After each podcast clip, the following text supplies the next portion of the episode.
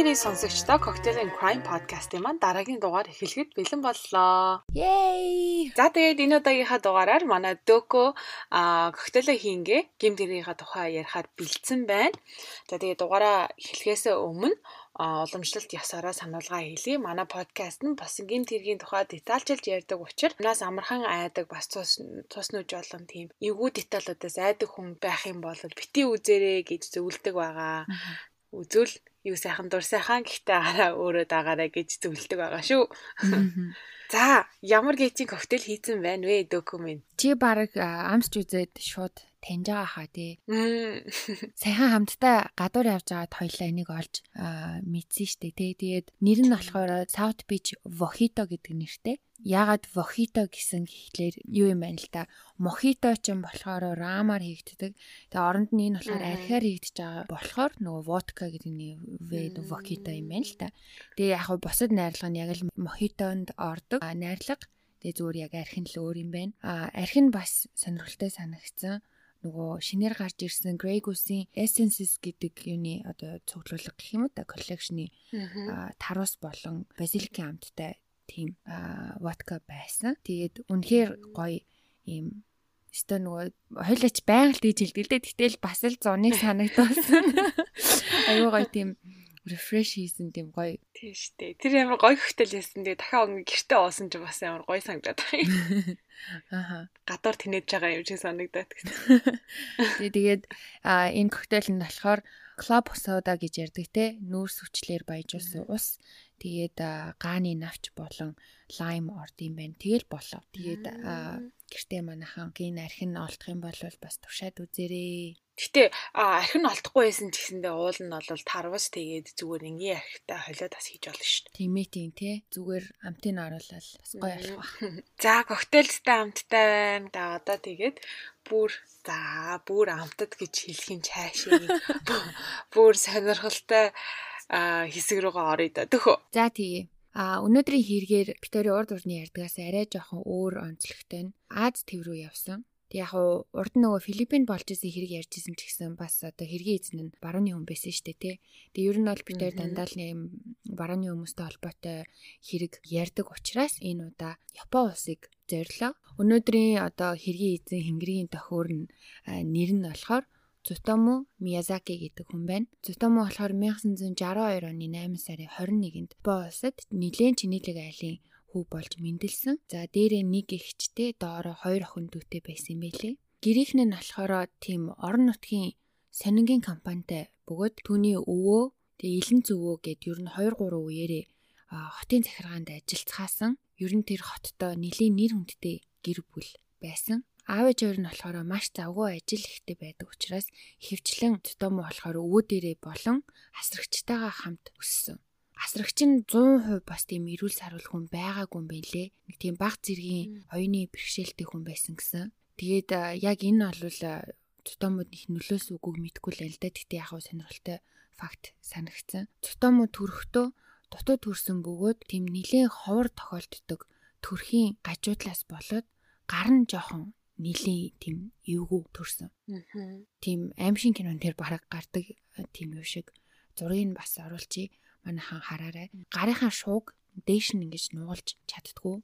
Тэгэд ерөөхдөө ингээд нэг нэгэн чихт ингэж байдаг. Хөдөлгөөн нь хязгаарлалттай байсан юм байлээ. Ууг нь бол хичээлдээ нэлийн сайн хүүд байсан ч гэсэн ангийнх нь гарыг нь их шоолдог байсан учраас нэлийн зожиг болсон. Тэгээд мундаг нэлийн нэр хүндтэй ахлах сургуульд сурж байсан. Тэгээ анхандаа бол нэлийн сайн сурж исэн, овоо толгой зогч исэн юм байлээ. Гэвч хэддүгээр ангидаа гэлээдээ 9 гэлөө 10 дугаар ангида нилээн бүр эрс муудаад тиймээс орно гэж бодож исэн их сургуультай орж чадалгүй тийм жижигхэн коллежид зурагчнаар сурж эхэлдэг. Зурагчнаар сурж байхдаа нэг тийм жоохон гаж болоод эхэлсэн. Яадаг байсан гэхээр одоо октод ингээд форм мормо өмссөн юг бүхтэй байж хахад октодын тэр юбгүн доогоор шургуулж зураг мургийг нууцаар авдаг тийм сонин болж эхэлсэн. Тэр үеэс эхлээд ер нь нэлийн гаж гаж сонирхол хүсэлтэй болсон юм байлээ аниме ер нь бол их үздэг. Бас тийм нөгөө аниме шиг тийм хүүхэлдэйн баатартай тийм порно кино их үздэг байсан. Тэгээ тэрэндээ бүр сүүл рүүгээ донтоод насан туршаагүй хүүхдийн порно хүртэл үздэг болсон. нэг сонирхолтой санагдсан юм болохоор 1999 оны хүртэл Япон улсад одоо тэр хүүхдийн насан туршаагүй хүүхдийн porn хуулиар хориглоогүй байсан юм билий. Тэгэхээр олдож маш ихтэй. За тэгээд 1988 оны 5 сард Цутомод ганц анхаарал халамж тавьдаг байсан өвөө нь нас барсан. За тэгээд яг тэр мөчөөс хойш Цутомо бол бүр ил эрс доройтсон билий. Өвөөгөө алдсанаас хойш сэтгцийн гүн хямралд ороод тэгээд өвөөгөө байнга одоо өөртөөгөө байлгамаар байсан юм байна л да. Одоо өвөөгөө ингээд байнга дотроо ингэж яадаг чи хамт баймаар байсан гэж аахгүй юу. Тэгээд амар гаж үйлдэл хийсэн тэр нь яасан гэхээр өвөө гихөө чандрыг ийдсэн. Тэг ингээд миний дотор өвөө надтай хамт үрд байна гэж ботсон гэж байгаа. Удалгүй буюу 3 сарын дараа түүний төрсөн өдөр нь болсон байгаа. Төрсөн өдрөөрөө цотомо өөртөө барьж болох хамгийн том бэлгийг барьсан нь одоо өөрийнх нь тэр гаж хүслээ хангасан явдал байсан. Яг 26 насныхаа төрсөн өдрийн маргааш нь буюу 8 сарын 22-нд найзындаа тоглоно гэж явсан дөрвөн настай Мэри Кона гэдэг нэртэй охиныг хуурж машиндаа суулгаад тэгээд нилээн тийм мотлог модтой газар очиж машинаа зогсоогоод 30 минут гэртээ тэр хоёр гүүрэндор юм ярьж суусан гэж байгаа. Тэгээд зүгээр сууж ийснаа гинт охин руу дайраад охиныг боомлж хөнөөсөн. Охиныг амьсгал ураасны дараа түүний цогцтой нь бэлгийн харилцаанд ороод нүцгэн цогцыг нь гэрийнхээ ойролцоо хаяад өөрөө хувцснуудыг аваад гэртээ хадгалсан. Би хэсэг хугацааны дараа нилээ муутсан цогц дээр эргэж очоод хөл бас гарыг нь тастаж авч гэртээ шкафнда хувцтай нь хамт боож хадгалсан баг. Охины үлдэгдлийг үнс болтол нь шатаагаад чандрыг нь шүттэй нь хамт бас хувцсныхаа зураг болон ил загталтай хамт хайрцагт хийгээд охины ар гэрийнхэн рүү илгэмж болгоод явуулсан. Тэгээ тэр загтал дээр нь болохоор Мэри чандралсан яснууд ерэн сурвалжил тэгээд нотол гэсэн ийм үгнүүд ийм үгнүүдийн цуглуулга байсан. Тэгээд нэг сонирхолтой юм нь болохоор яг энэ хэрэгэд ингээл дигдэл те цагдаа нар мэдээл хэвлэлийнхэн мэдээл байж хахад шинжээч нар нөгөө тэр илгээсэн шүдэн дээр нь шинжилгээ хийсэн чинь охиныг яг тэр Мэри Коно охин биш байна гэсэн хариу гарсан баг. Тэгээ тэр тухай гэрийнхэн нь хэвлэл мэдээллийнхэнд ярилцлага өгөөд одоо ингээд шинжилгээгээр энэ миний охин биш байна гэж гарсан учраас бид нэр охиноо эргүүлж аавна гэдэгтээ итгэлтэй байна тий. Одоо буцаад эргээд ирнэ гэж би бодож байна гэж ярилцлага өгсөний дагуу Цотомо тэрийг үзээд үдсэн байгаа. Тэгээд дахиад загтал явуулсан. Тэрэн дээр болохоор ерөнхийдөө бол наад одоо шинжээч чинь буруу дүгнэлт гаргасан байна. Би яг алуурч нь би мөн. Тэгээд өхнийх нь зургийг явуулаад тэгээ яг би ингэж ингэж ингэж алсан. Наад чинь бол та нарын охин мөн дахиж эргэж ирэхгүй гэх тиймэрхүү утгатай загтал явуулсан байсан. За тэгээд эхний энэ аллагаасаа 2хан сарын дараа 7 настай Масами Йошизава гэдэг нэртэй охиныг машин зам дагаад алхаж яхад нь хүргээд хүү гэж машиндаа суулгаад яг өмнөх хохирогчоо хүнөөсөн газар аваачаад урдных шигэ охиныг хөнөөгөөд цогцтой нь бэлгийн харилцаанд орсны дараа мөн л түүний хувцснуудыг өөртөө үлдээж биеийг нь хайдаг. Энэ явдлаас 9 хоногийн дараа найзынхаасаа гэрлүүгээ явж исэн дөрвөн настай Эрика Намба гэдэг нэртэй охиныг хүчээр машиндаа суулгаад эзгүй машины зогсоол руу дагуулж явдаг. Охиныг хувцас тайлахыг шаардаж нүцгэлүүлээд охины зургийг аваад тэгээд хөнөөчхөөд хөл гарыг нь ард нь хүлээд машиныхаа багажинд орны бүтээлгээр бүтээж хийсэн. Цогцыг машины зогсоолын хажууд байсан тэм нэлээ модтой ууланд хаяад харин цогцыг цагдаа нар 3 хоногийн дараа олсон байдаг. Хэрэг үйлснээс яг 8 хоногийн дараа охины гэрийнхэн загтал хүлээж авсан. Тэгээд тэрэн дээр нь болохоор сонноос ингээд хайчлаад нийлүүлсэн үгнүүд байсан. Тэр нь болохоор Эрика хүүтэн ханаад хоолой амралт Тэгэд үхэл гэсэн үгнүүдийн цуглуулга байсан.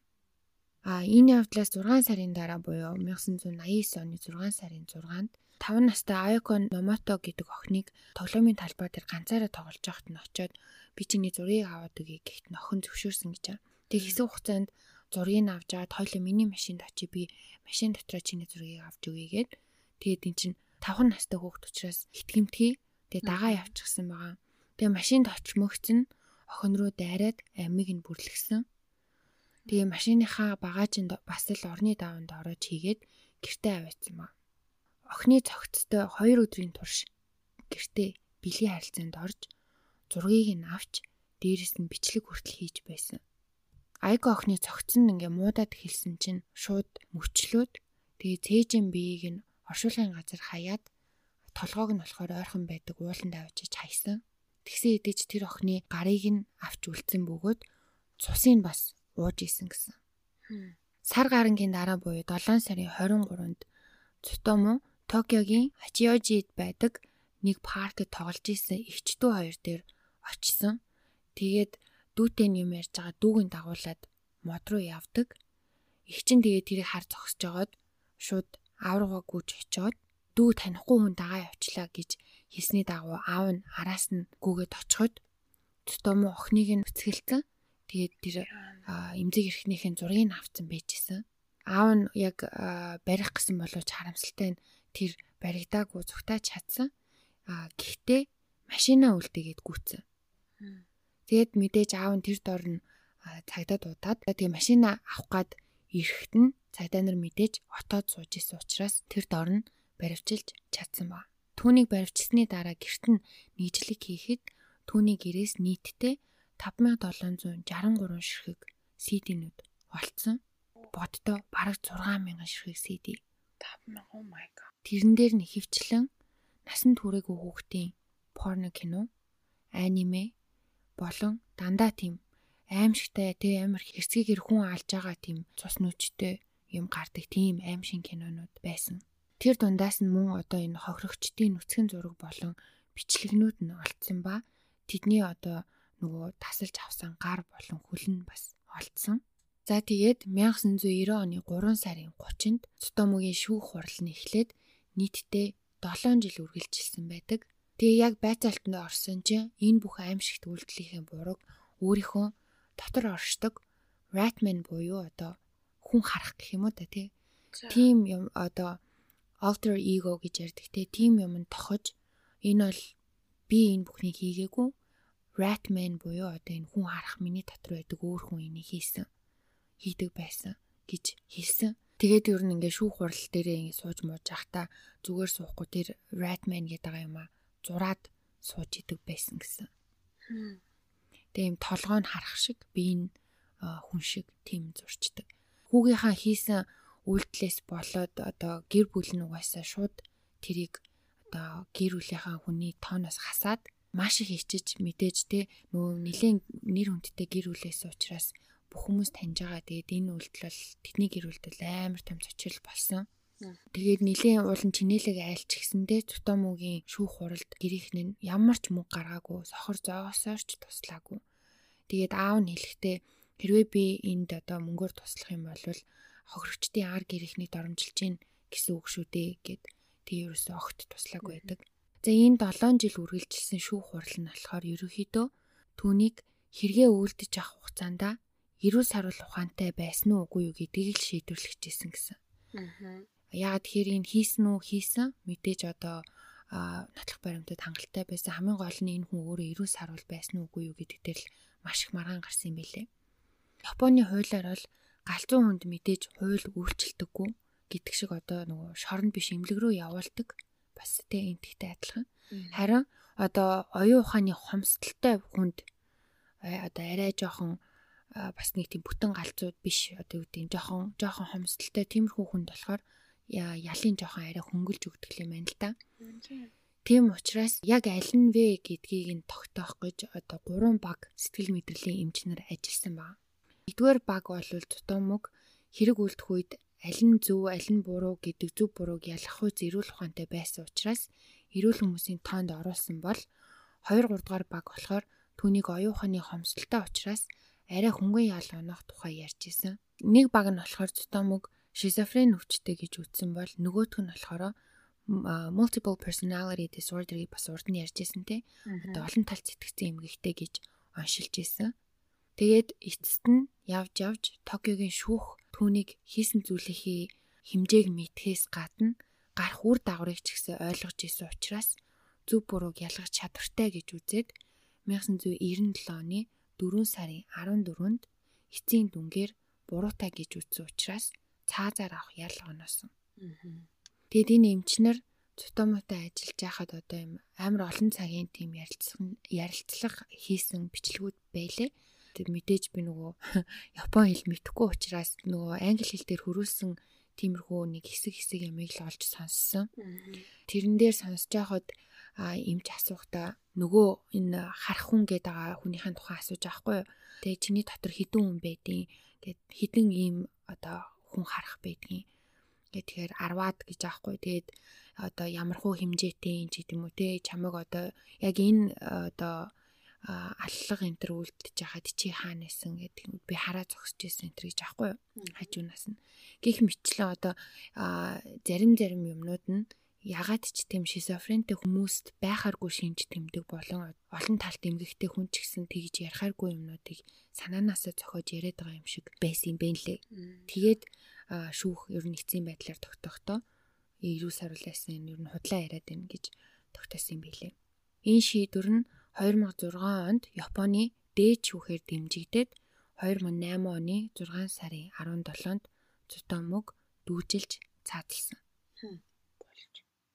Тэгээ бас нэг сонирхолтой санагдсан юм нь Японы одоо цаазлах жаягинч гэх юм уу да. Юу байдаг гинэ? Одоо тухайн цаазлах жаав хүнээ яг цаазлах өдрийг хилдэггүй.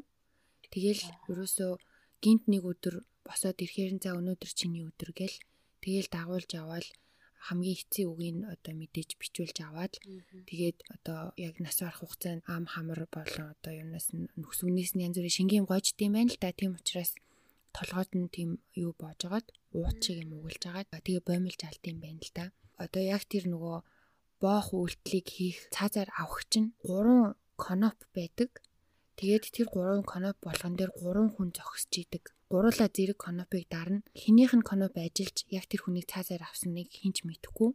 Аа. Тэгэхээр тухайн цаазаар авч байгаа хүн би хүн алчлаа гэж бодохгүй байна шүү дээ.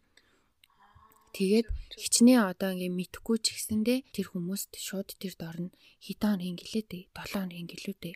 Шууд чөлөө өгөөд амралтанд явуулдаг гэсэн одоо тархитлагаа чөлөөлгээд. За тэгээ шүүх хурал явагдаж явах үед буюу 1994 онд Тотомогийн аав нь мэдээж хүүхдийнхээ хийсэн хэрэгээс маш ихээр ичээд хэрэг нь ингээд тэр дороо орон даяар тараад хүн болго ярьж исэн учраас энэ бүхнийг төвчлгүүгээр гүүрнээс үсэрч амиа орлсон. Тэгээд тэхээсээ өмнө амьдарч исэн байшин болон газраа зараад хохирогчдын ар герт мөнгөний өгсөн билээ. Ээж нь болохоор за нэрээ яг сольсон солиогүйг нь би бас сайн мэдгүй байна. Гэхдээ ямар ч байсан өөрийгөө хинбэ гэдгийг нуугаад хүмүүсээс нуугдаж амьдардаг. Игчин болон авга наг захнар нь хүртэл ажлуудаас бүгд гарцгаасан. Тэгээ дээрэс нь эхнэрүүдээсээ хүртэл салсан юм байлээ. Одоо энэ гэр бүлийн энэ муухай муу муухай нэрийг халтаахгүй гэж үтсний үндсэн дээр салсан гэж ярьд юм байлээ. Маш их хийцэн биш үү? Аа. Тэгээд гэр бүлийнх нь одоо тэр эрхэлдэг байсан сонингийн бизнесийг мэдээж хаасан.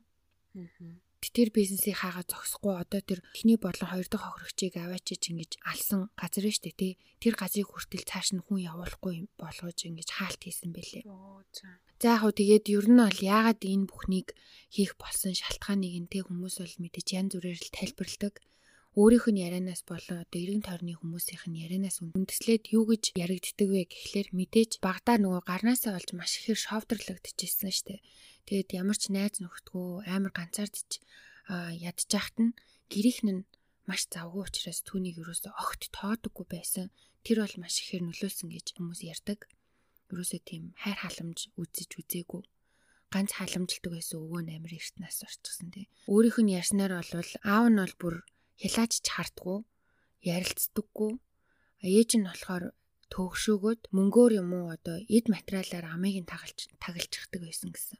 Тэрний нэг жишээ нь өөрийнх нь ундаг байсан тэр огтыг алхахад ашигласан машин нь байсан. Тэгэл ингээл жоохон ингээл гомдлол жоохон ярилцаж марилцах хүн хэрэгтэй болол аав ээж тэр очих гэхээр итэ яг за за за яг юу хэрэгтэй ингэж байгаа л тэр юм даваад өчтдөг ч юм уу. Ер нь л ерөөсөө ярилцдаггүй байсан гэсэн. Дээрээс нь ангийнх нь хүүхдийн ярьж байгаагаар бол тэр маш жижигхэн болон айгүй тийм нарийнхан бэлэг хэрэгтэнтэй байсан гинэ. Тийм болохоор тэрнээсээ ичээд ерөөсөө тийм үеийнхээ охидтой найзалдгүй амар их зайгаа барьдаг. Тэгсэн мөртлөө дундаж хүнтэй харьцуулахад илүү тийм сексийн хүсэл өндөртэй. Тийм байснаасаа болж одоо энэ том үний кинонд бүр ингээд ниф орсон шиг байгаа. Тэгээ бас нэг сони юм нь штэ. Японд хуулаараа тухайн үед л ахaltaа одоо ямар эдийг мэдэхгүй байна. Тухайн үед бол бэлэг эрхтний үсийг гаргах хориотой. Тийм байсан мөртлөөсөө яг бэлэг эрхтнийг гаргаж болдог гэсэн гинэ. Том үний кинон дээр. Тийм байсан учраас Томогийн өөрийнх нь ярьж байгаа болохоор том үний кино үзэхээр одоо энэ насан турш хүмүүсийн оролцсон кино үзэхлээр яг тухайн хэсгийг нь одоо бэлгэрхтнийх нь үснээс болоод таглаждаг байсан болохоор ямар ч сонирхолгүй байсан. Тийм учраас хүүхдийн тийм порн үзэж эхэлсэн гэж аахгүй юу? Мэдээж хүүхд нөгөө нэг үс нь ургаагүй. Тэгэхээр үсийг гаргаж болохгүй гэсэн хуультай учраас би одоо эмзэг хэрэгтнийг бол гаргадаг байсан. Ямар тэнэг хуультай мэдрэл юм бэ?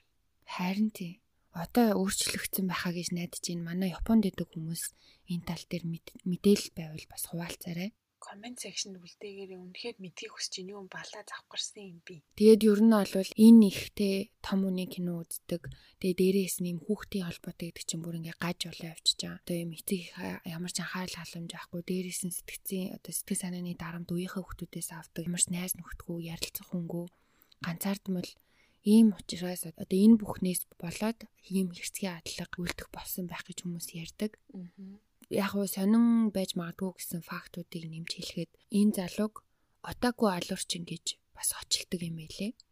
Динээс олж ер нь тухайн үед отаку хүмүүсийг тойрч маш их одоо яс суртахууны асуудал яригдаж тэ тэднийг одоо бүхлээр нь үзий ядах Отаку гэдэг үг нь бүр алуурчин гэдэг үгтэй холбоо үг мэт ашиглагдаж байсан үе ч гэсэн байсан. Одоо бүр тэгээ автоматар ойлгогддог болчихсон. Отаку гэхээр л алуурчинтай холбогдож муу мухай юмтай холбож ойлгодог болчихсон байсан.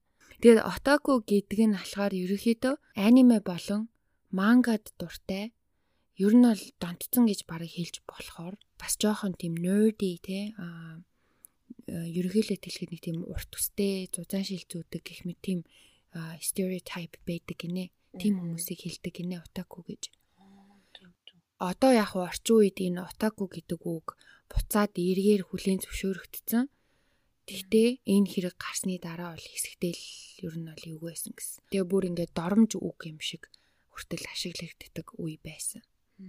Бас нэг сони юм нь энэ залуу энэ хохирогчдын гэрлүүн болон цагдаа нар руу цагтл илгээдэг байсан нь одоо энэ тийм бас хид хид алуурчдыг санагдуулсан надад. Бас дээрээс нь нөгөө нэг Golden State алуурчин шиг гэрлүүн залгаад хүн ингээл аваад байна уу мэнүү гэдэг чинь тэгэхээр ингээл бас тэр шиг адилхан ингээл амар муухай амьсгалж амьсгалж байгаа буцаа буцаага тавьж мавчдаг. Дахиад хүлээж ирсэн 20 минутын дараа дахиж залгаж тэгж тоглолтоо гэсэн айгу зөв байлээ. Тэгэж угаасаа таашаал авдаг байсан юм шүү. Цаанаас нь реакц аваад тэгэл өөрийнх нь хийсэн хэрийг нь бодогдоод илүү таашаал аваад тэгэл зав тэр бэлгийн дур хүслээ хангадаг ч юм уу тий. Би түрүүн хүүхэд насныхын тухай ярьж агаад нэг том фактыг хэлхээ мартсан байна. Тэр нь юу вэ гэхлээр Цутомогийн одоо ээж нь гэд өсгсөн ээж нь гэж явдаг хүн нь өөрийнх нь яг өөрийг нь төрүүлсэн ээж нь биш. Яг өөрийг нь хэн төрүүлсэн бэ гэхээр хичээсээ төрсөн хичээсээ төрсөн юм бэлээ. Тэгээд а одоо нөгөө аав нь хүүгээсээ хичээж мичээл одоо ам амаа хорлол тэр хохирогчдын ар гэрт хамаг бүхнээ зориулаад байсан боловч яг Ясмин дээрээ өөрөө төрсөн охинтойгоо бэлгийн үйлдэл одоо бэлгийн харилцаанд орсон тийм гаж нөхөр байсан байгаа. Тэгэхээр цутам уу цус ойртолттой яаж ч бодсон одоо ив ирүүл хүн бол байгаагүй. Аа. Тэг яг уу ингээ гэр бүлийн хоорондох одоо бэлгийн харилцаа энэ төр гээд яхаар бас нэг факт байсан нь жоохон дүүгээ усанд орж явахт нь ингээд нууцаар хардаг байсан байгаа. Нэг удаа харж агаад дүүдээ баригдаад Тэгээ дүүн мэдээж ойрлж харлаад бөө юм болсон чинь нөгөөч чи уурлангуудаа ороод дүүгийнхаа толгойг ханд савж исэн удаатай. Ямар мэдрэл хардвараагүй. Тэгээд ээж мэжин ч гэсэн шаардлага тавиал тэ чи одоо ингээд ingэж тэгээч мэгэж гэд тэгэхээр бас ээж мэжигээ хүртэл зодж исэн удаатай юм бэлээ. Тэр ер нь нилээн тийм а үнэхээр тийм аз жаргалтай сайхан гэр бүл байсан юм бол биш юм шиг байгаа. Тэгээ нэг юм сонио Японы цуврал хүүхдийн алуурчим дээрээс нь хани канибал те хүний мах иддэг. Некрофилээ идэгч тий. Тэгээ некрофилийг зохистой бэлгийн харилцаанд орохч нэг юм аим шиг хүн байна. Би бүр наатаж ингэ сонсож байгаа бүр толгоонтой ингэ ядж байхад амар юм сонсохоор ингэж амар ургуулan бодож ингэж харах юу яах юм сонсох юм аа. Тэгээ тэр үздэг байсан жоохон үздэг байсан порн морн одоо тэр юу одоо насан туршаагүй жоохон хүүхдүүдийн одоо порног Японд хуулиар хориглоогүй байсан. За 90 он гисэн ч гисэндээ. Ямар мэдрэл муутай сонин гаж хүмүүс вэ? Үнэн сонирхолтой улс уу чи Япон хүмүүс. Тэг мэдээж хааж явсан угаасаа тэгэл муухай юм байгаа гоё юм байгаа л да. Тэгэхдээ хууль муулаараа ингэж зөвшөөрсөн гэхээр надад бол амар сонин санагдчихээн. Бүр шоконд ормоор. Тэгээ хөөрхийн амтан бас тэгэл гар гар марн амир тийм сонирн байсан жоохон хөгшин бэрхшээлтэй байсан болохоор хүүхдүүд амир ингээл дээрлгэж мэрлгээл тэрэнд нас ер нь энэ хэрэг ингээл ер нь хараад ахаад маш олон талаас ингээл баг багаар цугларсаар агаал ингээл энэ хүний бүтээцэн юм шиг л харагдаад ах юм. Аав ихч хоёр нь бэлгийн харьцаанд ороод одоо тотомо гаргасан болвол бас ухаан нь бол тийм л амир тийм саруул хүн биш л ах байх. Тий. Вау. Үнэхээр сонирхолтой хэрэг байна. Яг би гадарлал нэг хальт уншаал юу ээжсэн мэдээж ингэж детальчилж өгөө судлаагүй. Тэгсэн чинь бүр идэхгүй хэлэх үг алга.